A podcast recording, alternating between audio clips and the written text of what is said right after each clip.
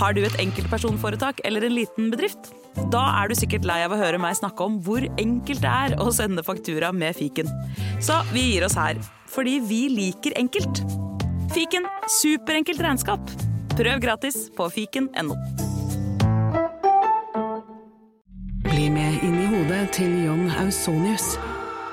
Bedre kjent som Lasermannen. Han nøt å se seg selv på nyhetene, men han var ikke fornøyd.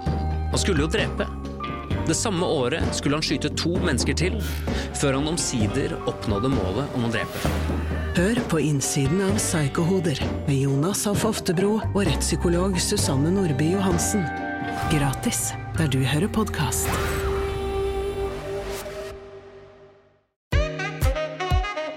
Jentesex, en podkast produsert av Fenomen.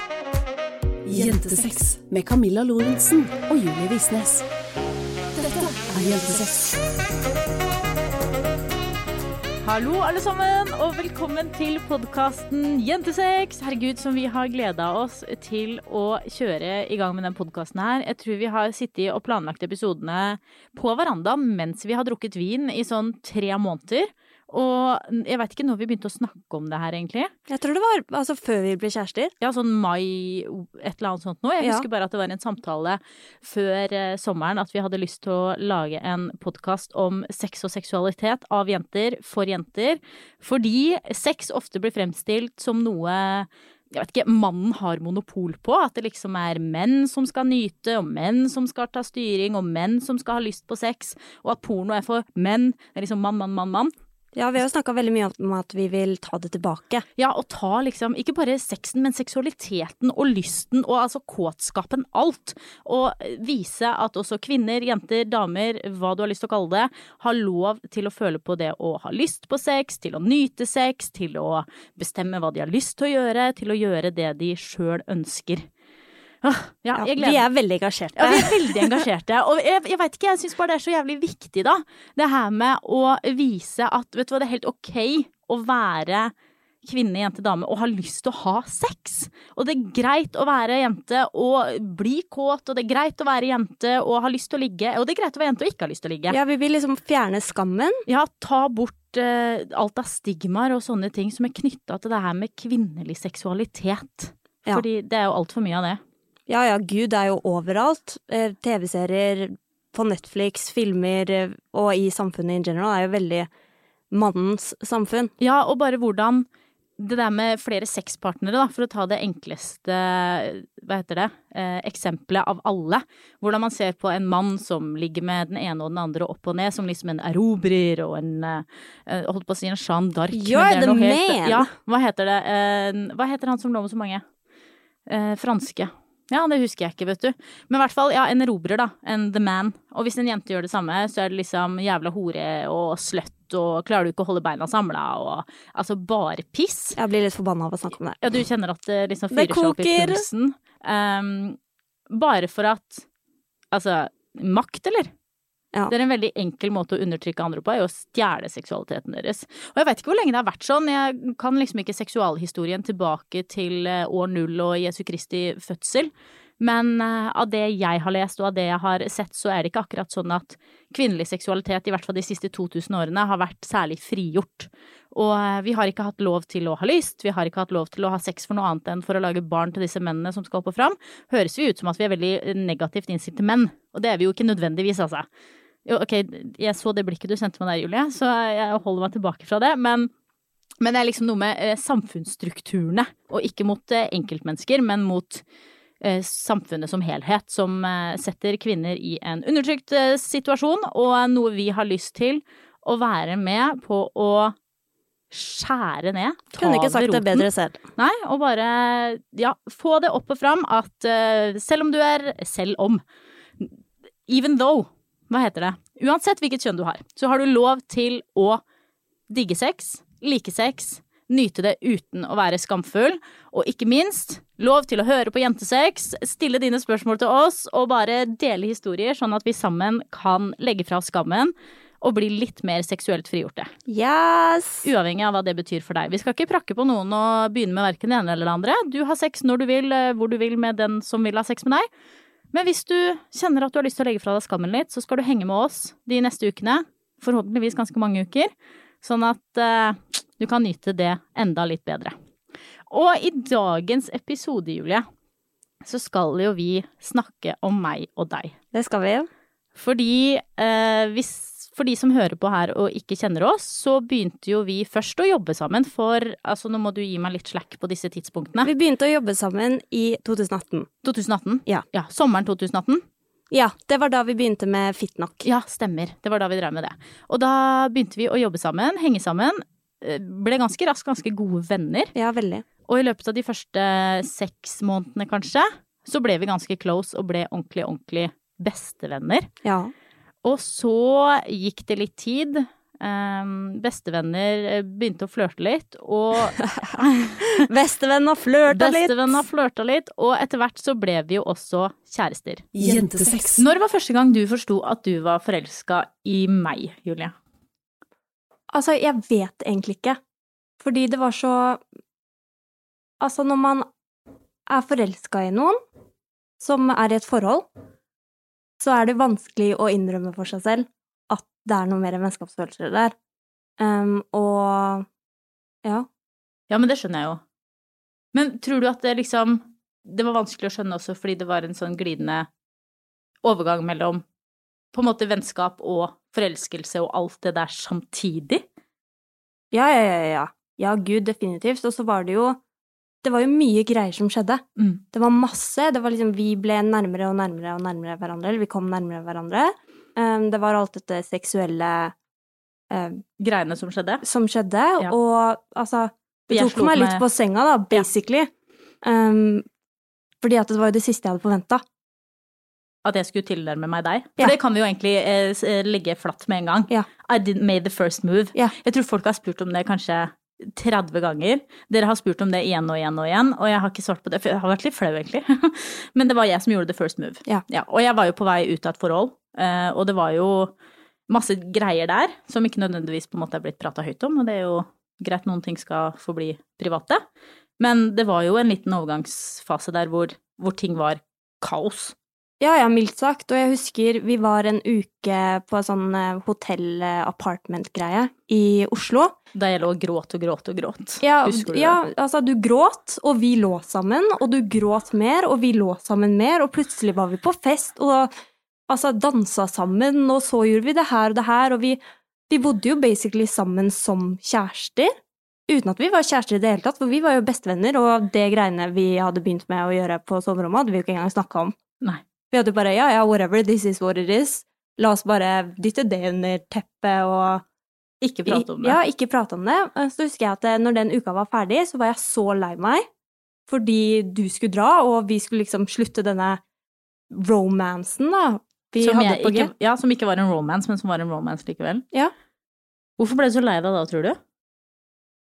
Jeg veit ikke um, egentlig hva det var, men det var jo Altså, vi hadde jo bodd sammen og vært oppå hverandre og på en måte det hadde, Jeg tror det var den første uka vi hadde fokusert nesten ingenting på jobb. For vi hadde jo fokusert på hverandre. Jeg hadde fokusert på deg, du hadde fokusert på meg, eh, og det var oss to sammen. Og det var bare en sånn åpenbaring, på en måte, da, i hodet mitt som var sånn fy faen, det er jo det her jeg vil ha. Fy faen, jeg er så jævlig forelska. Ja. Ja. Og så satt jeg der og bare ja, ja. Fuck Men hun er jo hetero. Jeg var jo det. Og det syns jo jeg er så gøy at du sier at det var en åpenbaring denne uka, fordi det var det ikke for meg i det hele tatt. Altså nada niks, liksom. Jeg var jo, for det første så var det jo helt kaos i hodet mitt, fordi jeg gikk gjennom masse greier og øh, tenkte Jeg så for meg at livet mitt gikk i knus og knas. Eh, alt jeg har tenkt på framover, går til helvete, whatever, og så ligger det en jente ved siden av meg. Ja, vet du hva, jeg kan, greit, jeg kan godt ligge med deg. Det var liksom no feelings, ikke en tanke engang på at det kunne være noe mer enn noe som helst. Så jeg var jo da mest sannsynlig en typisk fuckboy, bare girl, da. Så fuck girl. Ja, det var jeg, du. jeg ga jo blanke faen Ja. i deg. Ja. Sånn helt ærlig. Eh, Jeg tenkte ikke engang to ganger på at du kanskje kunne ha følelser for meg. Det var liksom ikke i hodet mitt whatsoever. Jeg hadde ingen følelser for deg. Jeg hadde ikke noen følelse for noen, tror jeg. Jeg hadde så vidt følelser for meg sjæl. Um, så starten på hele dette forholdet her starta jo veldig skeivt. Sånn sett. Haha. Oh, oh, She did. Oh, she did! ja, Ja. det gjorde Jo, det. det det. gjorde jo det. Ja, ja. Du var jo dødsforelska. Ja. Jeg var jo ikke det. Nei. Jeg visste jo ikke engang at jeg kunne bli forelska i en jente, liksom. Nei. Um, og jeg var egentlig bare klar for å fuck boys and dance at a party. Altså, det var det jeg var klar for. Ja, og det snakka du mye om. Det gjorde jeg jo. Det snakka jeg ganske mye om. Hvordan var det? Det var jævlig. Var det? Men du kan jo se for deg at du sitter på sofaen hjemme med en person du ligger med hver dag, som altså du koser på hver dag, som du chatter med, som du er med. Altså, vi var jo sammen 24-7, og når vi ikke var sammen, så teksta vi. Du var den første personen jeg snakka med om morgenen, du var den første personen, den siste personen jeg snakka med på kvelden. Og der sitter du, på happen foran meg, og snakker med gutter, og den skal du ligge med, og den skal du ligge med, og den sommeren her skal faen bli knullefest. Jeg tror aldri jeg sa knullefest. Sa jeg det? Ja, jo, det kan godt hende, faktisk. du. Jeg skal ikke nekte på det. Nei, nei, det sa du. Ja. Ja, det, det var ikke veldig gøy. Um, og spesielt etter hvert som jeg faktisk skjønte hvor deep in it jeg var. For det tok jo litt tid. Altså, i starten så var jeg sånn ok, it's a crush. Det må bare gå over, fordi at du kan ikke sitte her og bli forbanna på at du er forelska i en hetero jente, og at den hetero jenta ikke er forelska i deg. Men så var det jo på en måte det der med disse mixed signals som du sendte, Ja. som gjorde det eh, vanskeligere, da. Fordi at du oppførte deg jo som at jeg var den store kjærligheten din, men så sa du at du var 100 hetero, og at dette var bare liksom, ja, du er kanskje litt biseksuell, men du er i hvert fall ikke bifil. Og lesbisk, fy faen, det kunne du aldri vært. Nei. Men jeg, jeg var jo helt Altså, jeg sa jo ikke det fordi jeg ville skjule min egen seksualitet eller legning. Um, og det mener jeg sånn, sånn helt 110% seriøst. Fram til juni så var ikke jeg i hodet mitt verken bifil, lesbisk, whatever, i det hele tatt. Jeg hadde null feelings, eh, jeg kjente ingenting. Men jeg veit ikke om det var fordi jeg rasjonelt på en måte ikke helt var til stede, siden det hadde skjedd ganske mye i livet mitt, på en måte gått fra eh, samboer og flytta og funnet ny leilighet, og liksom hele verden bare var what the fuck er det som skjer i livet mitt akkurat nå? Um, sånn at det var allerede ganske mye som foregikk opp i, i hodet, og man veit jo det at når det skjer mye, så er det vanskelig å få plass til andre ting. Men jeg prøvde på en måte aldri å oppføre meg slemt, eller å sende mixed signals, eller Nei, nei, nei, men det tror jeg ikke du Nei. gjør heller. Men sånn i det hele tatt, liksom. Det var liksom, det var null baktanker ved det. Men så kan jeg jo se tilbake nå og se at Altså måten jeg oppførte meg på Jeg var så slem. Ja. Sånn skikkelig, skikkelig slem. Ikke bevisst 'nå skal jeg være slem mot Julie'. Eh, men så, altså det er sikkert Jeg vet ikke om noen av dere også har, har på en måte følt på det, når du er med noen som du liker skikkelig, skikkelig godt. Og når dere er sammen, så er det liksom all butterflies, og du får all bekreftelsen du trenger, og all kosen og all sexen og alt du på en måte vil ha. Og så plutselig så er det bare stopp. Og så kan det gå to timer eller to dager eller to uker hvor du bare ikke får noen ting. Og så plutselig får du alt igjen. Ja, du ble veldig sånn push and pull. Mm. Um, og det gjorde det jo også veldig vanskelig for meg å komme over det. Fordi at det, i de periodene hvor du var helt off, så tenkte jeg liksom ok, men hvis hun holder det sånn her, så klarer jeg det. Ja. Da klarer jeg å komme meg gjennom det her, da klarer jeg å komme over henne, da kan vi fortsette å jobbe. Da kan vi fortsette å bo sammen og være bestevenner, og altså det siste jeg ville var å gi slipp på det livet.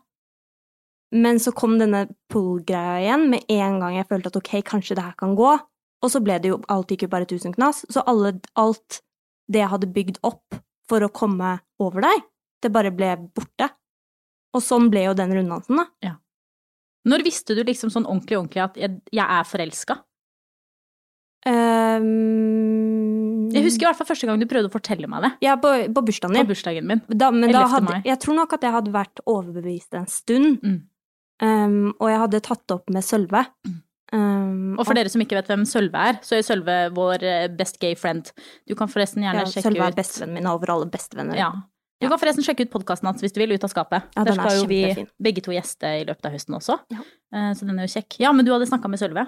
Ja, um, og hadde Og Maren. Jeg hadde lufta det med Sølve og Maren, som er de to bestevennene mine, og tatt opp av akkurat hva som skjedde, og hvordan det var inni meg, og alt det her, og de var bare sånn ok, men hun er hetero, så get the fuck over it. Så Eh. Sølve det òg? Eh, ja, i starten. Ja. Um, og så etter hvert så sa han jo på en måte at jeg tror hun er bifil eller lesbisk, jeg vet ikke hva det er, men sånn hun ser på det, det er ikke sånn man ser på folk. Man ser ikke på, så, ser ikke på bestevennen sin på den måten. Um, Husker du Margrethe, min lillesøster, også sa det? Ja. Det er veldig morsomt. Man ser ikke på folk. Ville hun ha sittet sånn med Tonje, en annen venninne av meg? Nei, hun satt sånn bare med Julie. Så andre så jo måten jeg så på deg på. Ja. Men jeg så det jo ikke selv. Nei, men tilbake til spørsmålet ditt, og så visste jeg det 100% sikkert på bursdagen din. Mm. Da var jeg sånn, og jeg var bare sånn, ok, sånn her er det. Og da på kvelden så tok jeg det opp med deg, og da begynte du å hylgrine. Og det var det verste tenkelige utfallet av alt som kunne skje i verden, og du visste ikke hvordan vi skulle komme oss ut fra det her, og det var opp og ned og bort og fram, helt forferdelig, og du prøvde å på en måte finne løsninger på hvorfor jeg ikke egentlig var forelska der. For noen ganger så var det sånn, vi hadde jo hatt veldig mange dype samtaler, og noen blir forelska i psykologen sin, vet du, og de tror de er forelska, men så er det egentlig ikke det, og, og alt mulig sånn her, og googla fram liksom tegn på forelskelse, og ingen av de kjente du på, og når du hadde vært hjemme hos foreldrene dine den helgen før bursdagen din, så hadde du ikke savna meg et sekund, og du hadde ikke snakka om meg i det hele tatt, og det var liksom ingenting, så du kunne ikke skjønne hvor det her kom fra, og eh, vi burde slutta å ha sex, og bare legge det fra oss der og da.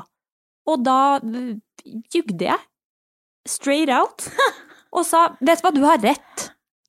Bare fordi jeg var en liten weak ass bitch, eller veldig forelska, som det også Det er mye likt, faktisk. mye likt. Ja. Um, så jeg, jeg klarte ikke å gå. Mm. Og jeg husker, jeg syntes det var så jævlig vanskelig da du tok opp det, fordi sånn helt ærlig så hadde jeg jo da ingen følelser. Eh, eller det hadde jeg sikkert, men fordi det var jo en grunn til at jeg oppførte meg som jeg gjorde. Det var en grunn til at min mor spurte om det var noe mer mellom oss. Eh, og det var jo en grunn til at Til og med pappa, liksom, spurte. Om, altså alle. Ehm, men rasjonelt, altså oppi i hodet mitt, så hadde ikke de følelsene flytta seg fra kroppen til et bevisst sted enda. Sånn at jeg hadde på en måte ikke reflektert over det i det hele tatt. Og jeg husker da du sa det, så bare Altså, det vi sa tidligere i poden med at vi var alt for hverandre, jeg følte jo det også da. Jeg bare tenkte fy faen, nå raser hele jævla livet mitt sammen, liksom. Ja. Jeg mister bestevenninna mi. Jeg mister kollegaen min. Jeg mister alt jeg har. Og det eneste jeg har igjen, er en fuckings leilighet i Tønsberg. Eh, og familien min borti gata, men that's it. Ja. At jeg var Jeg var så redd. Og jeg Altså, jeg skulle jo ønske at jeg hadde kommet lenger på det tidspunktet, og at vi kunne tatt den praten på en annen måte, liksom, men Men jeg var bare Hele kroppen min var sånn fy fitte faen, det skal man egentlig ikke si, altså. Men jeg var så innmari redd. Ja. Så etter det så la jeg det jo fra meg. Ja. Jeg var veldig sånn her, ok, men nå må jeg fokusere all energien min på å komme over deg. Og du var helt liksom sånn, ja, vi skal slutte å ligge sammen, vi skal slutte med alt det her, og dagen etter bursdagen din så tok det hva da, fra vi la oss til vi lå sammen, fem minutter, Sikkert, ja. og jeg gråt, og gråt. Og det syns jo jeg også er morsomt. Fordi jeg skjønte jo faen ikke hvorfor du grein. Og der også tenker jeg at jeg har hatt litt problemer, det tror jeg fortsatt jeg har, med å legge sammen to og to. To og to i mitt hode blir ofte bare tre. Det kommer liksom aldri opp til fire. Og jeg var genuint interessert i hvorfor du gråt, og trodde liksom at det handla om litt andre ting som hadde skjedd, og du sa deg jo så klart bare enig i det, fordi du kan jo ikke ligge der og si at du er forelska i en person som ikke er forelska i deg eh, hver eneste kveld, det blir jo kanskje litt hårdt. Ja, litt hårdt. Litt hårdt. Um, men jeg skjønte ikke for sitt, liksom. At du grein fordi hun du akkurat har sagt du var forelska i, ligger med deg. For så å kaste deg liksom til sida og være sånn 'nå skal jeg sove'. Ja. Det er jo ikke veldig hyggelig av meg. Nei. Nei. Eh, Jeg innser nå at jeg var en, eh, fremstår som en skikkelig bitch. ja, ja, men altså, det var du jo. Men du Misforstå meg rett, altså, du var en bitch, men intensjonen din var jo ikke å være en bitch, du var jo confused. Ja. Du var jo helt eh, surra opp i hodet der, Ja. og jeg tror nok det er også en av grunnene til at jeg på en måte syntes det var vanskelig å komme over deg også, fordi at jeg så deg jo. Mm. Jeg kjenner deg jo, og har kjent deg veldig lenge bedre enn veldig mange andre, og jeg har på en måte tolka signalene dine lenge. Og jeg har sittet i så mange kvelder og liksom spurt meg selv ok, men skjønner jeg ingenting? Kjenner jeg henne ikke? Hva fader er det som skjer, og tatt opp med Sølve, og Sølve bare ja, ja, jeg tror du har helt rett, men jeg tror hun aldri kommer til å innse det, jeg tror hun aldri kommer til å godta for seg selv at det er sånn det er. Og I'm sorry, but you're about to get your heart broken. Og jeg bare, vet du hva, hjertet mitt er allerede så knust som det kan bli, så jeg vet ikke helt Hva jeg skal gjøre med hva det. jeg skal gjøre med det. For det morsomme er jo at jeg først en måned og to dager senere fra bursdagen min skjønte at det var noe mer mellom oss enn eh, bare vennskap. Ja. For jeg husker at uh, jeg hadde jo hatt ham med, altså der er du meg, jeg hadde hatt ham med hjem til familien min, vet du. På tur og på besøk, og vi hadde vært og hilst på datteren til søsteren min, og vi hadde jo vært rundt forbi, alle hadde jo hilst på det allerede. Og så skulle vi i bursdagsfest hos min bonusmor, Mm. Um, og vi Pappa kom og henta oss, ja, på Kalnes. Um, og da, var det da du hadde på deg den rosa den yeah. var så fin, den toppen. Sykt fin. I hvert fall, vi satte oss inn i bilen, og så parkerte pappa i eh, oppkjørselen til huset. Og så gikk vi inn i bakhagen, liksom på siden av huset, gjennom den eh, porten der. Og før vi kom inn, så sa du åh, bare tenk på når du får deg kjæreste, så skal du ta med noen andre hit, og ikke meg. Ja. Og jeg husker det så sinnssykt godt, for det, oppi hodet mitt så var det bare sånn Men i helvete! Og det, og det er første gang, altså første gang whatsoever, som jeg kan huske, at jeg hadde en rasjonell tanke som var av typen men det er jo bare deg jeg har lyst til å ha med hit. Det var sånn, det var som at det slo ned i hodet mitt bare sånn lyn, fordi da Jeg tror at fram til da så hadde det i hodet mitt handlet veldig mye om hva du følte. Veldig mye om hvordan du hadde det. Eh, mens da så fikk jeg liksom en tanke i hodet som handlet liksom kun om meg, og mine følelser og mine tanker. Og da du sa det at en eller annen dag så skal du ha med noen andre hit, og det gruer jeg meg skikkelig til, og så var jeg sånn, ja, men så prøvde jeg liksom å se det for meg i hodet, at jeg skulle møte en eller annen gutt, og så skulle jeg ha med han hjem til pappa og Linda, og, vise han fram, og så liksom uten deg så ble det sånn, ja, men skal jeg da sitte og tekste Julie hele kvelden mens jeg er her, liksom? Er det, er det, nei, det er jo litt rart. Kanskje jeg kan ha med Julie samtidig? Ja, men det er jo også kanskje litt merkelig. Ja, nå kommer jeg og, og kjæresten min og Julie på besøk. Altså, litt sånn, ja, så skal vi feire jul, det er meg, kjæresten min og Julie. litt sånn merkelig. Men det var liksom det jeg prøvde å rasjonalisere oppi hodet mitt. Og så ble det til en sånn derre, men i, altså, jeg har jo ikke lyst til det, jeg har bare lyst til å ha med Julie, og så skjønte jeg ikke hvorfor. Jeg, skjønte, jeg klarte heller ikke å sette likhetstegn mellom det og at jeg var forelska. Det var bare sånn, men hvorfor det? Ja, men det er jo mest sannsynlig fordi vi er så innmari gode venner. Og så gikk vi inn, og så skulle vi ha sånne leker og greier. Og så skulle vi liksom bli fordelt over to lag. Og så, Å, ja. og så sa jeg til Linda at jeg har lyst til å være på lag med Julie.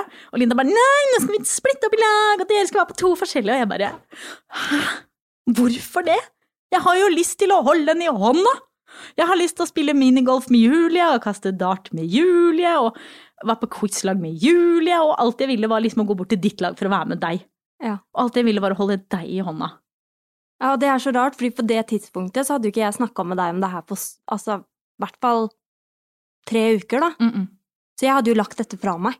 Og jeg, det var jo sikkert derfor jeg sa det òg. Jeg var jo helt på en måte content med at det en dag så kom jeg til å bli bytta ut. Mm. Jeg var på en måte en placeholder da, for den neste kjæresten din, og jeg var helt på en måte, jeg hadde slått meg til ro med det at fy faen, dette gjør så jævlig vondt, men jeg klarer ikke å gå, så jeg skal bare stå i det til hun finner en ny person, og da skal jeg begynne å altså, laste ned happen og alt det her. Men jeg klarte jo ikke det mens jeg var med deg. Nei. Å snakke med folk, eller date folk, eller Men jeg lurer på om det var akkurat derfor jeg klarte å føle på det også.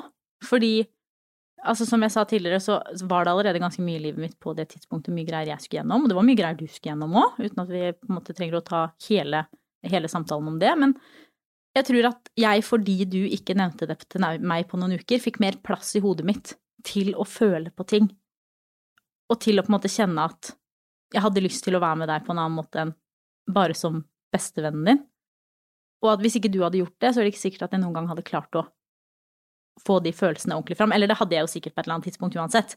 Mest sannsynlig, når du hadde begynt å date eller noe sånt, så hadde jeg jo sikkert blitt så sjalu at det hjalp. Ja, men du hadde jo noen sjaluperioder der lenge før eh, vi var hos Linda. Ja, men det visste jeg ikke.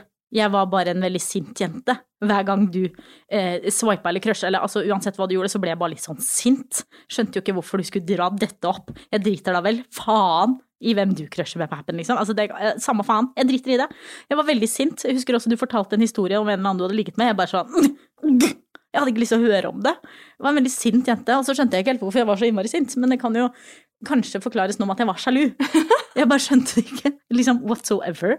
At det Ja, jeg tror vi hadde, vi hadde mange sånne samtaler og sånn herre Jeg tror kanskje at vi burde slutte å snakke med hverandre om hvem vi skal date, fordi vi blir så innmari sinna! og det er jo altså normal bestevennoppførsel ja, skikkelig, skikkelig normal bestevennoppførsel. Ikke fortell meg om hvem du har møtt, jeg blir så sint. Jeg vil ikke høre om det, jeg blir så sint. Jeg blir så jævlig Ja. når du skal dra opp det der. Og der har du da altså jentene som eh, proclaims at de er in touch with their feelings. Jeg er bare litt sint. Nei, Camilla, du er fuckings sjalu. Ja. Jo, men det var i hvert fall første gang jeg følte ordentlig på at jeg ville noe mer. Ja. Og hvis jeg skal være helt ærlig, deretter gikk det jo bare i utforbakke. Ja. Fordi da hadde jeg jo plutselig lyst til å holde deg i hånda, men jeg hadde jo ikke lyst til å holde deg i hånda. Så hadde jeg lyst til å ligge med deg, men jeg hadde ikke lyst til å ligge med deg. Så når det var sånn, jeg husker hver kveld vi liksom nærma oss hverandre, så var det sånn i hele hodet mitt bare, ja, men bare drit i det, Camilla, du har ikke lyst til å ligge med henne engang, bare la være. Og så spredde jeg beina, og så lå jeg der likevel, liksom. Så det var en sånn sjukt eh, mismatch mellom det jeg tenkte, og det kroppen min gjorde. En mismatch mellom det jeg følte, og det jeg hadde lyst til å føle. Og ikke fordi at jeg ikke hadde lyst til å være skeiv eller eh, noen ting sånn, jeg bare skjønte ingenting. Jeg skjønte ikke hvorfor jeg hadde lyst til å holde deg i hånda, ligge på brystet ditt, eh, ta på deg, kose med deg. Sånn at jeg prøvde å forklare for meg sjøl at jeg egentlig ikke ville. Ja, det var jo sånn jeg var i starten også. Var det det? Ja, ja, ja, men det var jo sånn i oktober. Å ja, ja, ikke sant. I oktober, ja. Du var såpass tidlig ute.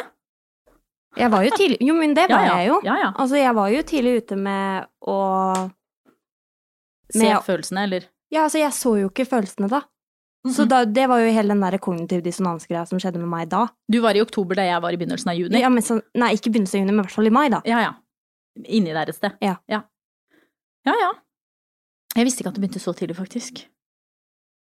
Det Så visste du, vel? Du har vært forelska i meg så lenge. Jeg har ikke vært forelska i deg, jeg har har det vært jeg betatt. Det var det jeg hørte nå. Det er forskjell på å være forelska og betatt, Camilla Lorentzen. Ja, men jeg hører ikke det, og jeg hører det jeg har lyst til å høre. Men juni var jo i hvert fall et evig kaos. Ja. Ja. Eh, Og så husker jeg at vi holdt hender ute i Tønsberg en gang, og at noen hadde skrevet om det på Jodel. Og det var jo det verste, vet du. Fy faen. Og ryktene begynte å gå, og det sto på Jodel hva da? Annenhver dag. Jeg Ja. tror Julie Visnes og Camilla Lorentzen er kjærester. Jeg tror Camilla Lor og bestevennen at det er noe mer der. Jeg så Camilla Lor og hun andre holde hender i Tønsberg. Hva skjer? Hvordan følte du da? Når alle de tingene sto? Nei, altså, det var jo sikkert cirka på samme tidspunkt du la ut på Instagram at du aldri kunne bli sammen med en jente, Camilla. Det var heller kanskje ikke så hyggelig. Nei, det var ikke så veldig hyggelig. Har du et enkeltpersonforetak eller en liten bedrift? Da er du sikkert lei av å høre meg snakke om hvor enkelt det er å levere skattemeldingen med fiken, så vi eh, gir oss her. Fordi vi liker enkelt. Fiken superenkelt regnskap. Hva snakker vi om nå? Du, vi snakka om at de skrev på Jodel at vi var kjærester. Ja, eh, og jo, for det var jo sånn cirka samtidig de begynte med det. Når du la ut på Instagram at du aldri kunne vært sammen med en jente, så jeg var jo bare sånn ok, men Jodel ser det jeg ser, og Camilla ser det hun vil se. Dette er egentlig en god oppsummering av livet vårt. Ja. Verden ser det som faktisk skjer. Camilla lever i sin egen boble. Ja, Sånn er det jo. ja det var jo sånn. Sånn er det fortsatt. Jeg lever jo, kommer alltid til å leve i min egen boble. Ja, du er veldig søt, da. Tusen takk. Det setter jeg pris på. Men var det ikke litt vondt også å lese alle de tingene? Jeg hadde jo ikke jodel. Nei. Så du fortalte meg jo bare det du ville si. Du har fortalt meg om én jodel, og det var om den holde hender i Tønsberg. Utover det så har jeg ikke hørt noe. Nei. Fordi det var jo sikkert en grunn til det. At du ikke ville ta opp det igjen og igjen. Ja, altså jeg hadde jo på en måte lagt det fra meg, som sagt, og tenkte at eh, ja, nå får jeg jobbe på for å komme meg over denne dama, eh, fordi jeg vil ikke gi slipp på livet mitt. Eh, Så ja, det var jævlig. Hele den måneden der var jævlig. Alle de månedene var jævlig. Altså, jeg grein jo hver dag. Ja, du gjorde det. Det var ikke bra. Nei, det føltes jo ut som Altså, jeg har jo hatt noen guttekjærester tidligere som jeg åpenbart ikke har vært forelska, siden jeg er jo, hallo, lesbisk, men altså, the heartache Jesus Christ! Og i tillegg så var jeg der. Ja, ja, hver dag. Vi var jo sammen hele tiden. Det er som å ha et sår, og så bare fortsetter du å skjære i det. Ja. Med en kniv. Ja. Igjen og igjen. Ja. Au. Jeg får så dårlig samvittighet. Ja, det fortjener du. Takk skal du faen meg ha. Vær så god. Men mot slutten av juni så begynte jo jeg å flørte med en type og skulle reise for å møte han. Og der er jo også det morsomme. Fordi der har du også Camilla har uh, snakka med en type skulle, Ja, han skulle ha fest og hele pakka, vi kunne komme. Og jeg bare Ja, men det har vi lyst til. vi har kjempelyst til å komme og besøke deg. Og du ville jo ikke være med. Nei, jeg hadde ikke lyst til å være med i det hele tatt. Altså, jeg sa jo til deg den fredagen vi skulle reise, jeg bare 'jeg blir hjemme'. Jeg har ikke lyst til å dra dit og se deg ligge med denne gutten. Jeg har ikke lyst til å dra dit og se deg flørte med denne gutten. Jeg blir hjemme. Dra på din eskapade alene, Camilla Lor.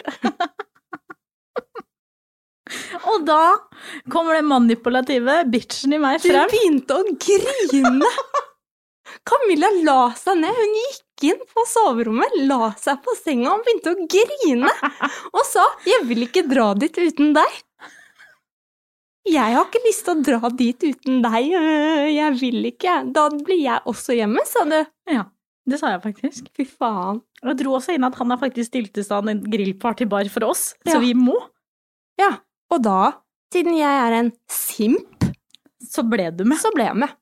Og jeg husker vi gikk og satte oss i bilen. Du kobla opp iPhonen din på anlegget, satte på en lydbok, lente deg tilbake, lukka øynene og sa 'ikke prat til meg'. Ja, og tok på solbrillene. Ja, hadde på solbriller Ja. ja, det husker jeg ikke. Ja, ikke prat til meg. Jeg bare 'nei, dette blir en hyggelig tur'. Nå skal vi kose oss, dere! Dette blir kjempegøy. Ja. Ja. Og så kommer vi fram, da, Ja. eh, til denne her festen. Og det første som skjer, er at denne duden skal dra og hente grill, fordi det har jo ikke han gjort ennå. Camilla setter seg ned på andre siden og sier at jeg skal komme og sitte på fanget hennes. Henne meg. Og så gjør jeg jo det, og så begynner du å kline med meg. Ja, det gjorde jeg faktisk. Så gjorde det. Ja. Og du hadde på en sånn sykt fin rosa kjole med åpen rygg, og du så som en stjerne. Ja. Vi så som stjerner begge to, Ja, vi var faktisk. fine den kvelden. Skikkelig fine. Ja, du hadde en nesten lik kjole. Den røde. Ja, oransje. Oransje. Ja. Stemmer det. Ja, og der satt vi og klina, vet du. Og klådde og ordna og styrte. Og de kom tilbake, og jeg kasta deg over i sofaen. Det gjorde du. Ja. Fordi det ville jeg jo ikke at noen skulle se. Nei, det var jo hyggelig. Ja. Her tenkte jeg ja, ja. Da, Payback is a bitch. og da starter du med din hevntokt. Det gjør jeg. Ja. For da fikk Julie det for seg at, vet du hva? Hvis hun har lyst til å ligge med den typen her, så kan jeg i hvert fall gjøre det jeg kan for å gjøre henne sjalu. Ja, ja, men det var jo en chick der. Det var det. Ja. det var det. Og du begynte å holde på med henne, og jeg ble også sint, vet du. Og veldig frustrert, så jeg begynte jo å holde på med Nei, det var jo et evig kaos. Ja, det var et kaos. Og jeg husker at jeg sto ute på verandaen og kyssa han og bare tenkte Altså, han er fantastisk og hele den pakka der. Veldig glad i han. Men i hvert fall bare det å skulle kysse han, at det var sånn Det bare gikk en sånn følelse gjennom kroppen min at This is so wrong. Jeg har ikke lyst til det her i det hele tatt. Jeg lurer på hva Julie driver med, gikk og leita etter deg, så ting jeg ikke ville se, og jeg bare helvete ta. Og så forsvinner du. Og så begynner jeg å leite etter deg, og hun jenta er der, altså alle er der, så jeg skjønner jo at du ikke er med noen. Og så går jeg opp på soverommet, og så sitter du der og gråter. Ja. Og gråter. Ja, og da hadde vi jo fått i oss en del alkohol, for å En si det mildt. Så da bare klarte jeg ikke å holde den her fasaden min oppe lenger. Så da gikk jeg opp, satte meg på rommet og begynte å grine. Når Det du kom lå inn- en i sofaen og senga og sov også. Ja, det gjorde det. Ja. Ja, ja, ja. Um, og da sa jeg rett ut til deg, jeg har følelser for deg. Jeg klarer ikke å bo med deg lenger. Jeg får ikke til det her. Jeg trenger space, jeg trenger avstand. Jeg trenger å få litt tid til å komme over deg.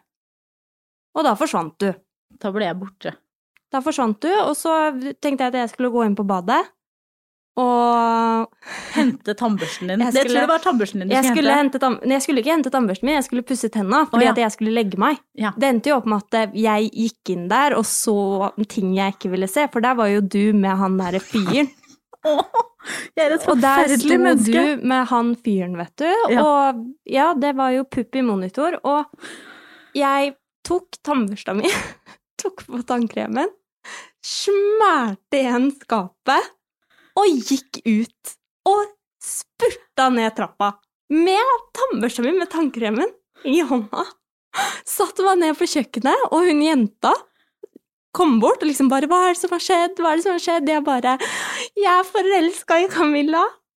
Hun står der oppe og, ligger med badet! Og jeg fortalte det til henne, at jeg var forelska i henne, og hun står der og hun ligger med noen. Ja. Ja. Eh, og så endte jeg opp med at hun bare ja, men hallo, det her ordner seg, liksom. Kom, vi går ut, vi går ut eh, og tar litt luft. Det, det, vi snakker igjennom det her, det ordner seg. Um, og så gikk vi ut og satt eh, oss ute. Og så gikk det en liten stund, og så kom du. For det på min side så sto jo jeg der oppe og tenkte ja ja, what the fuck. Eh, hvis han har lyst til det, så skal han få lov til det, holdt jeg på å si. Og etterpå så satte jeg meg jo bare opp på vaskemaskinen og la henda i eh, Eller hodet i henda, og han så på meg bare like what's going on? Og jeg bare Julie sa akkurat at hun er forelska i meg, og her står jeg med deg. Han bare ja, det var jo kanskje ikke et jævlig sjakktrekk. Jeg bare nei, det skjønner jeg jo, tusen takk skal du faen meg ha. Gode råd du kommer med der, det setter jeg pris på. Um, og så sa jo han til meg at eh, du er jo forelska i henne også. Og jeg bare ja, det tror jeg kanskje ikke, men hyggelig at du sier det. Men jeg var jo det. Og jeg hadde jo blitt allerede da bevisst på at jeg var det. Jeg visste jo det. Eh, Det her var jo min eh, try to, vet ikke fuck the gay away, eller hva du har lyst til å kalle Ja. det. Pray the gay away. Pray the gay away. Ja. Um, så han sa jo at jeg måtte gå ned og prate med deg. Jeg gikk ned trappa, du satt ute med tannbørsten i hånda. Eh, jeg tror hun hadde gått der, eller gikk hun når jeg kom Nei, ned? hun, hun gikk når du kom ned. Hun sa Ja. se, se, Camilla kommer nå, liksom. Ja. Jeg går. Og du satt der og hylgrein, og jeg satte meg i sofaen ved siden av deg. Jeg tror jeg begynte å grine òg. Ja, ja. Ja. Og det var jo hylekor uten like. Ja, og så sa jeg det der, og jeg bare 'jeg klarer ikke mer', unnskyld, men jeg får det ikke til. Og da skreik du 'du har ikke spurt meg hva jeg føler på dritlenge, du vet ingenting'. Du kan ikke bare gå ut ifra ting. Du vet ikke. Og jeg satt der som et jævla spørsmålstegn. Altså, jeg skjønte, jeg skjønte ingenting. Jeg bare What? What did she say? What? Hæ? Og jeg tror, jeg, jeg tror jeg klarte å si noe engang. Nei. Jeg slutta å grine. Ja. Og så eh, fortsatte du, og liksom bare sånn her Ja, jeg, jeg vet ikke hva det er, men det er noe. Og da begynte jeg å grine på nytt. Ja. Men da var det litt hyggeligere tårer, da. ja, ja, det var mye hyggeligere tårer. Ja. Absolutt. Og så, ja, fortalte jeg jo deg at jeg ikke visste hva det var, eh, men at det var et eller annet, at jeg ikke hadde klart å forklare det bort for meg selv. Um, og så spurte jeg rett og slett bare på om vi skulle være kjærester. Ja. For sånn er jeg. Sånn er du. Da hopper jeg i det, vet du. Begge beina. Godt planta i, ingenting. Mm. Men jeg tror også at det var på en måte 100% nødvendig for at jeg skulle klare å føle på alt jeg følte på. Um, og det er jo ganske stort steg å ta på en måte når du ikke er 100% sikker på hva du føler, eller hvordan ting er, eller å bare gå inn i et forhold. Men jeg var på en måte så, så sikker på at det var noe annet enn vennskap, og måten jeg så på deg på, måten alle hadde fortalt meg at jeg så på deg på, fordi jeg trenger jo åpenbart litt sånn ytre stimuli for å komme noen vei. Um, så bare tenkte jeg, fy faen, jeg har ikke lyst til å miste deg. Jeg har ikke lyst til å risikere at det her går til helvete. Og selv om jeg risikerer det ved å ta det steget her, så er det i hvert fall et sånt, ok, men da har vi prøvd. Og da har jeg turt, og så Ja. har du turt, og så har vi turt. Og så får det bare briste eller bære. Ja. Og det brista. Hei! det gjorde det ikke, da. Nei, det er jo helt fantastisk nå, men Ja. det ble jo, sånn som du kaller det, et antiklimaks Ja. etterpå. Fordi da tenkte jo vi begge to at herregud, nå skal vi gå rundt og være forelska, dere. Ja. Og bare ha den derre eh, hva heter det, honeymoon face og bare kose vårs. Men sånn var det jo ikke i det hele tatt. Nei, altså, det ble jo på en måte en en vanskelig greie, fordi at det, vi var jo alt. Og når man da legger en ny ting på alt, så blir jo disse rollene altså litt vage, da. Mm. Så man føler kanskje at det Eller du følte jo i hvert fall i starten at du mista bestevennen din. Ja. At du ikke hadde noen å snakke med fordi du var så redd for at jeg skulle bli såra. Og snakke med om de vanskelige følelsene som følger med når man kommer ut av skapet på den måten. Eh, Og spesielt siden vi gjorde det så innmari offentlig, og jeg hadde jo heller ikke skreket ut noe sted at jeg var lesbisk, liksom, så jeg måtte jo ta den samtalen med min familie. Og ja, det, det var mye greier, og Dagbladet ringte, og VG ringte, og det var familier, og det var ditt og datt opp og ned og bort og fram, så vi fikk jo ikke noe tid i det hele tatt til å være og finne ut av ting sammen. Det ble jo hele tiden sånn, ok, men vi skal finne ut av ting i offentligheten, og sånn er det jo veldig sjelden. Man snakker jo ofte om ting etter det er ferdig. Ja. Ja, og det er jeg veldig vant til å gjøre òg. Jeg sånn, jeg kan godt gå gjennom ting og snakke om det etterpå, men å skulle ta hele uh, Alt man føler, alt man tenker og sånn ut i offentligheten, er dritvanskelig. Ja, ja, ja. det er, og det er hardt, og det er Ja. psykisk krevende, og når man på en måte står i en forholdssituasjon hvor vi ikke fikk snakka igjennom mai og juni og april og hele fjoråret og alt det her, vi hadde jo ikke på en måte fått Eller jeg, da, hadde ikke fått tid til å bearbeide noen ting av det, du hadde ikke fått bearbeida noe av det, vi hadde ikke snakka sammen, det var liksom sånn Ja, men da er vi forelska, da.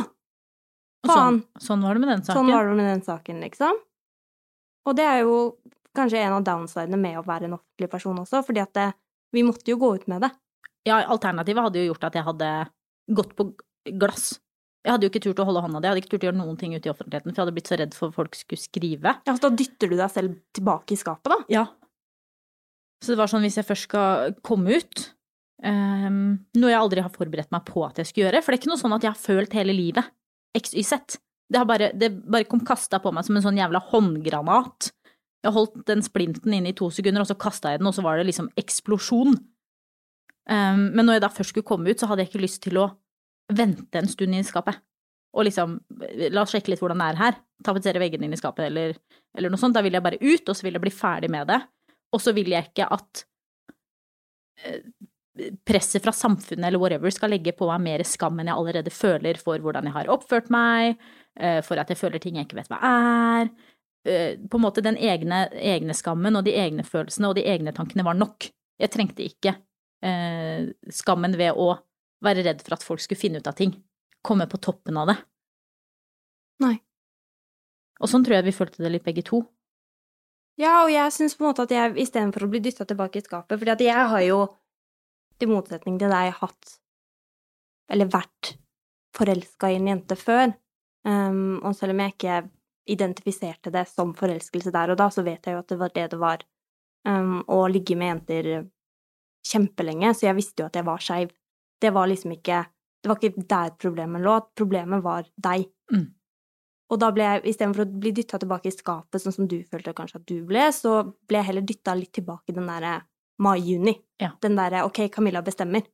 Camilla bestemmer når vi skal holde hender, Camilla bestemmer når vi skal være intime, dette er Camilla sin, sitt show. Og hvis jeg skal få denne jenta her, så må jeg følge med på dette showet. Og jeg må gjøre det hun sier. Velkommen til Camillas lesbeshow! Ja, basically.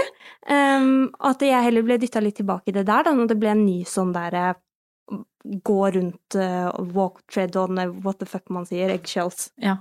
Gå på eggeskall, som man sier på norsk. Ja. Um, at jeg ble dytta tilbake der, da. Ja. Så det var jo ikke Det var jo ikke hyggelig. Nei. Og det var jo veldig vanskelig for begge to på veldig ulike sett, og så tror jeg vi syntes det var ganske vanskelig å, å ta det opp. Ja. ja, men det, var, det vanskeligste, mener jeg, var nok at selv om ting hadde vært usikkert en stund, så hadde jeg vært veldig sikker på hva vi var for hverandre. Og det er jo også en ting jeg aldri visste, var jo at du var skeiv. For det har du aldri fortalt meg, på en måte. Jeg visste at du hadde ligget med noen jenter, men du også fortalte meg at it's only sexual. Eh, Jeg har aldri hatt følelser for jenter, aldri vært noen ting sånn. Um, Ja, ja, og det var jo fordi jeg var redd fordi jeg hadde følelser for deg. Ja. Eh, Så jeg turte jo ikke på en måte Fordi ved å konfesse det, så tar jeg jo tilbake alt jeg har sagt til deg Ja.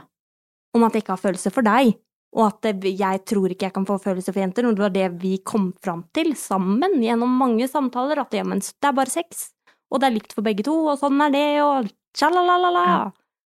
Um, så jeg, jeg turte jo ikke å ta opp det heller, fordi at med en gang jeg innrømte det, og det husker jeg det var en gang vi satt på verandaen og snakka om en av disse jentene, Mm. Um, og du bare Ja, men var du forelska i henne? Du sa jo at du ikke kan bli forelska i folk, og jeg bare gikk. Ja, jeg husker også det veldig godt. Da var jeg også sint jente, var jeg da. En litt sint jente. Men i hvert fall når vi kom liksom ut i juli, og, og vi hadde blitt kjærester og alt det der, så det vanskeligste syns jeg var at på en måte du hadde vært den jeg hadde snakket med alt om. Um, og plutselig når vi ble kjærester, så ble jeg så innmari bekymra for at du skulle tolke noe av det jeg sa feil. Som for eksempel hvis jeg var usikker på hva jeg egentlig følte, så følte jeg ikke jeg hadde noen å snakke med det om. Fordi hvis jeg sa det til deg, så herregud, da kommer hun til å tro at jeg ikke er forelska, så blir det bare haraball. Det går jo ikke an. Eller eh, hvis jeg var redd for et eller annet, så kunne jeg ikke si det til deg, for hvis hun tror at jeg er redd for å kysse henne i offentligheten, så tror hun kanskje at jeg ikke er forelska, og da blir det haraball. Sånn at uansett hva jeg følte på av, av ting som kom med det å være i et forhold med deg, så klarte jeg ikke å snakke med deg om det. Og det tok jo nesten tre uker. Ja. før du tok det opp. Og da begynte jeg å grine, vet du. Ja. Var det da vi var på Savalen? Ja. Og jeg skreik at jeg hadde mista bestevennen min. Ja. ja. Men det rare med det er jo også at etter hvert som vi lærte oss å, å prate mer, så har det jo gått ganske fint.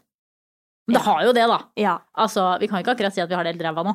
Nei, altså nå har vi det jo kjempebra. Ja. Det her har jo på en måte vært den beste tiden de siste to-tre to Hvor lenge har vi vært sammen nå? Fire måneder? Ja. Hvilken dato er det? Snart fem. I morgen. Nei, 27. I morgen er den 27. Er det den 27. i morgen? Ja, Så da er det juni, juli, august, september, fire måneder i morgen. fire måneder i morgen. Ja. De siste to månedene, da. Ja, de siste to og en halv månedene har Ja. vært, vært bra. Mm. Veldig, veldig bra. Um, Men det var den i begynnelsen der som ikke var så veldig fett. Er du glad for at du ble kjæresten min, Julie? Ja. Hva har vært det beste med å være kjæresten min? At du lager mat til meg. Nei. Hæ, mener du det? Ja, men det skjønner Nei. jeg faktisk. Jeg Jo lager da, du- alle måltider. Jeg har lagd frokost noen ganger, men jeg får jo heller ikke lov til å lage måltider. Nei, Nei. det gjør du ikke, Det fordi ikke du brenner ned kjøkkenet. Det har jeg aldri gjort. Du hadde prøvd. Ja, det kan hende. Um, nei, altså, jeg føler jo at det her nesten er en sånn dream come true-scenario-ting. Fordi at det, det har jo vært i hodet mitt at det her har vært drømmescenarioet mitt i et år. Mm. Det er jo et år, Herregud, og vi har jo bodd, vi har jo bodd sammen et år. Ja. faktisk. Mer enn et år. Ja. September i fjor. Ja, I september, starten av september i fjor flytta vi sammen, Ja. og nå er det snart november, så mer enn et år, da. Mm. Shit. Man, It's been a year, huh? It's been a year! Åh, ja, jeg også er veldig glad. Jeg tror det beste jeg kan eh, dele med alle der ute som er, tror de er forelska i bestevenninna si, så er jo mitt råd så klart bare go for it. Fordi som du ser, så har det vært ekstremt lett for meg å bare hoppe i det med begge bein. Um, men det beste er jo at etter at jeg kom over hele den 'herregud, jeg er redd for å såre Julie med det jeg føler og tenker', så er jo du en person jeg virkelig kan dele alt jeg føler og tenker på med. Og du er en Ja, person som ser meg, og det tror jeg kanskje er fordelen med å ha vært bestevenner først. Ja, det er jo, men det er så mange fordeler, fordi at det, det er jo mange av de sidene med hverandre som man gjerne ikke deler i starten av et forhold, som vi er forbi for lengst. Ja. Altså de ugly crying-tingene, alt familieting, alt liksom Skam. Ja, inner demons. Ja. Alt det ble jo delt for to år siden. Ja. Altså, vi har jo kommet over det, den kneika der for to år siden, så var jo all den skammen borte. Ja. Og når vi da ble kjærester, så hadde vi på en måte et så klart bilde av hvem hverandre var, da, på både det beste og det verste. Fordi vi hadde sett både det beste og det verste med hverandre fra før, og det syns jeg er fint. Og det er også ganske fint at man på bakgrunn av å kjenne til hverandres aller verste sider, klarer å bli forelska. Ja. Syns jeg. Du hører Jentesex. Og da tenkte jeg at vi kunne avslutte denne praten med noen spørsmål fra dere. Fordi vi legger jo ut på Instagram hver mandag at dere kan dele med oss eh, historier dere selv har, problemer dere ønsker at vi skal løse, eller som i denne episoden, hvor det tross alt eh, har handla bare om oss, vårt favorittema, spørsmål retta mot oss. Det er ditt favorittema. ja, meg er mitt favorittema, ja. Ja. Jeg er ikke sk- jeg skamfull av å si det. Nei, det, Det burde jeg men sikkert Du kan ikke legge ord i munnen min. Du liker å prate om deg, du òg. Nei, det gjør du ikke. Du liker å prate om meg. Så vi har på en måte en felles interesse. Deg. Som er å prate om Camilla. Men i hvert fall, jeg tenkte jeg skulle smæle første spørsmål din vei, eh, Visnes. Ok, Er du klar? jeg er klar. Å, dette er ikke så hyggelig for meg. Men ok, la oss kjøre på. Var det rart første gangen dere hadde sex, siden dere var så gode venner først? Du kan jo svare på det du, Julie, siden det var deg. Det, om det var rart? Det er den merkeligste episoden i hele livet mitt, tror jeg. Altså, vi hadde, det var en av de første gangene vi var på hotell sammen. Vi hadde et eller annet jobbgreier i Oslo, eller whatever it was, jeg husker ikke.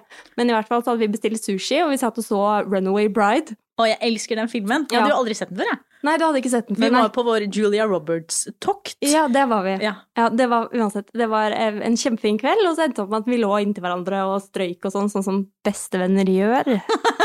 um, og så plutselig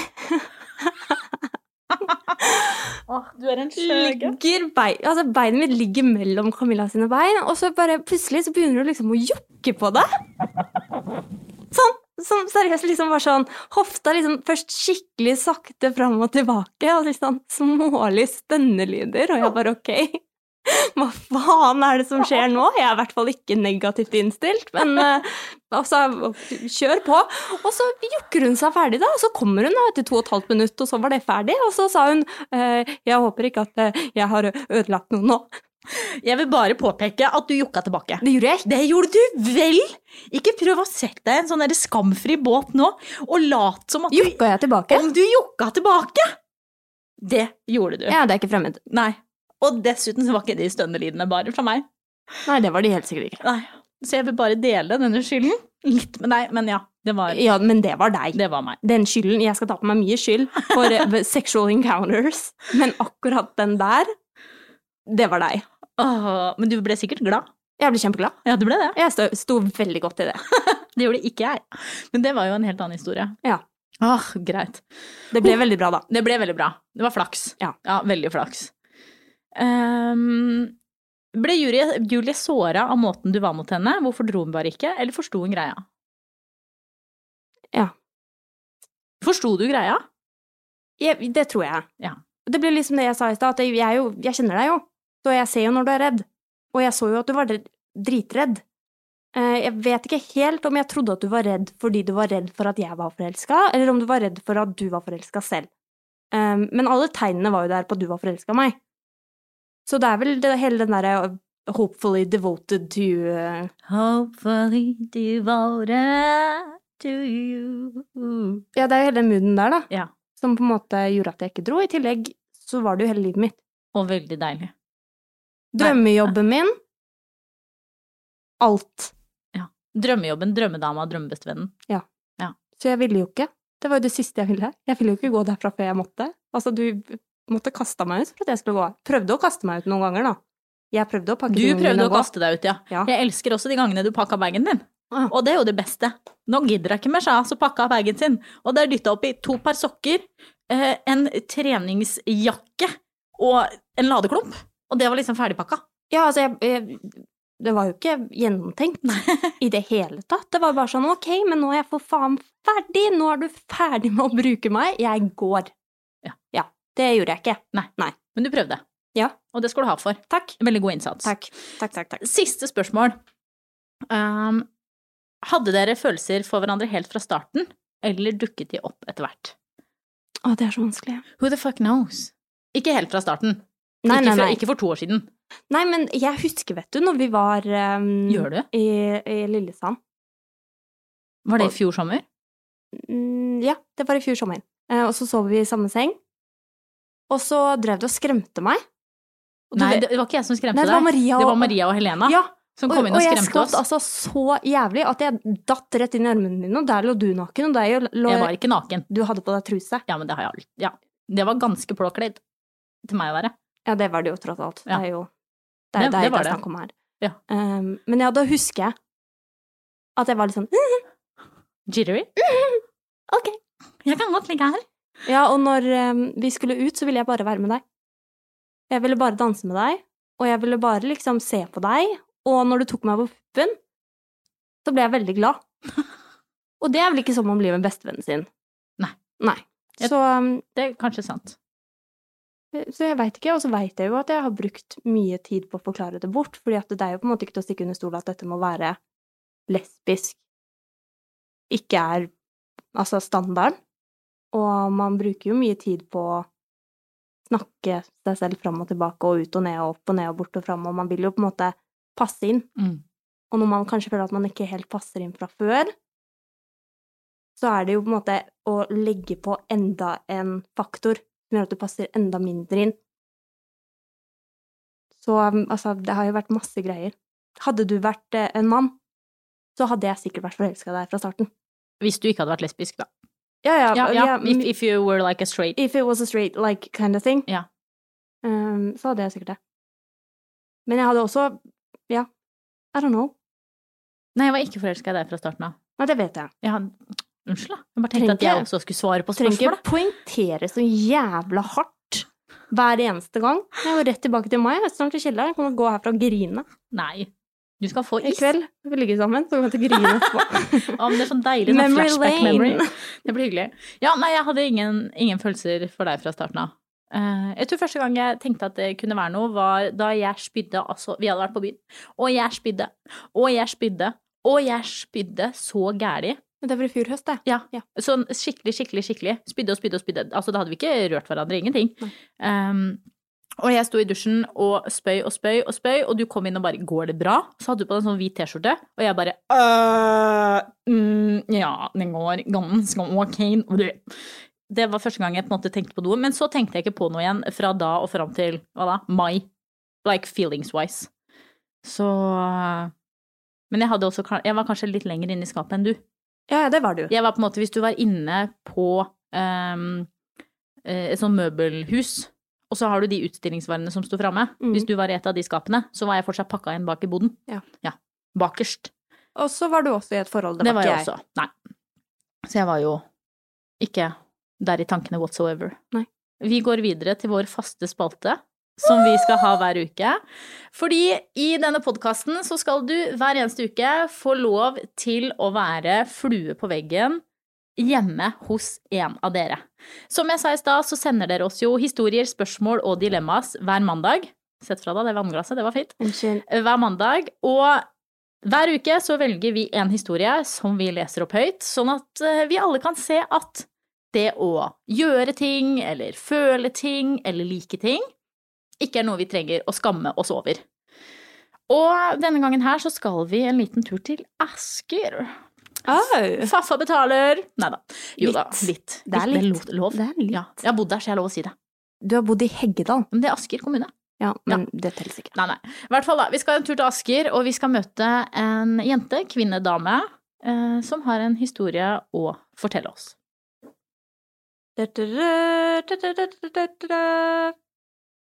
Jeg og min daværende kjæreste, som jeg også var forlovet med, hadde bestemt oss for å ta noen drinker sammen med min bror og vår kusine. Siden både kjæresten min og kusinen min er fra Asker, bestemte vi oss etter hvert for å gå ut på byen der. Etter hvert som kvelden gikk, ble drink etter drink fortært, og selv om utelivet i Asker er aldri så lite, klarte vi på et eller annet tidspunkt å miste hverandre. Til slutt sto jeg der helt alene, uten mobil, uten veske, uten kusine, uten bror og uten kjæreste, midt i Asker sentrum. Heldig eller uheldigvis er jeg veldig, veldig sosial når jeg er full. Og på en eller annen måte havnet jeg på et nach med en gjeng 40 minutter utenfor Asker sentrum. Der var det en himla søt fyr, og utover morgenkvisten havnet vi til sengs sammen. Etter at hyrdestunden, jeg tror den hendte, men jeg har ikke helt klare minner, var over, sovnet jeg søtt. På andre siden av Asker våkner min forlovede søndag morgen alene i sengen og lurer på hvor i helvete jeg er. Han forsøker å ringe meg, men mobilen min er avstengt, og han ringer kusinen min, men hun har ikke sett meg siden jeg gikk fra baren kvelden i forveien, og broren min likeså. Utestedet kontaktes uten at de kan hjelpe noe mer, og til slutt tar han kontakt med mine foreldre, og deretter politiet. Det settes i gang en stor leteaksjon, og telefonen min lokaliseres til slutt hos noen som har tatt med seg feil veske hjem, og pulsen begynner virkelig å stige hos flere i familien. Er hun død? Kidnappet? På sykehus? Ligger hun i et grøft et sted? Samtidig våkner jeg friskt og uthvilt i en myk seng og aner fred og ingen fare. Jeg ser meg rundt og skjønner at jeg har trådd litt feil dagen i forveien, og er i et lite sekund usikker på hva jeg skal gjøre, men jeg bestemmer meg til slutt for å ringe min bror. Jeg strekker meg idet han tar telefonen og spør Sukkersett om han ikke kan være så snill å komme og hente meg. Og det gjør han. Med mor, far og min forlovede på slep. Idet jeg litt slukøret går ut på trappen og møter min mors skuffede blikk, legger hun merke til at jeg har på halsen et stort, rødt sugemerke. Ah, imagine. Hun fester øynene i meg og spør hvor jeg har fått det, og jeg, både litt flau og skamfull, klarer bare å lire av meg nødt eller sannhet. og med den historien så takker vi for følget i dag. Nå skal jeg gjøre sånn som en uh, i klassen min i 9. klasse En i klassen min i 9. klasse gjorde etter uh, powerpoint-presentasjonen i engelsk. Thanks for me. Thank you so much for me. Thank you for me. Vi ses neste uke. Jo, og så må dere huske å eh, sende Abonnere. Ja, å gud, ja. Det er det Abonnere. viktigste først. Det er det Abonnere viktigste. og rate oss i iTunes. Hvis Ja. du gir oss noe annet enn fem stjerner, så finner vi ut hvor du bor. Nei, jeg finner Trusler. ut. Ja, men det kommer jeg langt med, som regel. Du vet Ja, det. vi finner ut hvor du bor. Ja, men bare det. Og vi stopper der. Nei da. Men rate oss i iTunes, eh, abonner gjerne.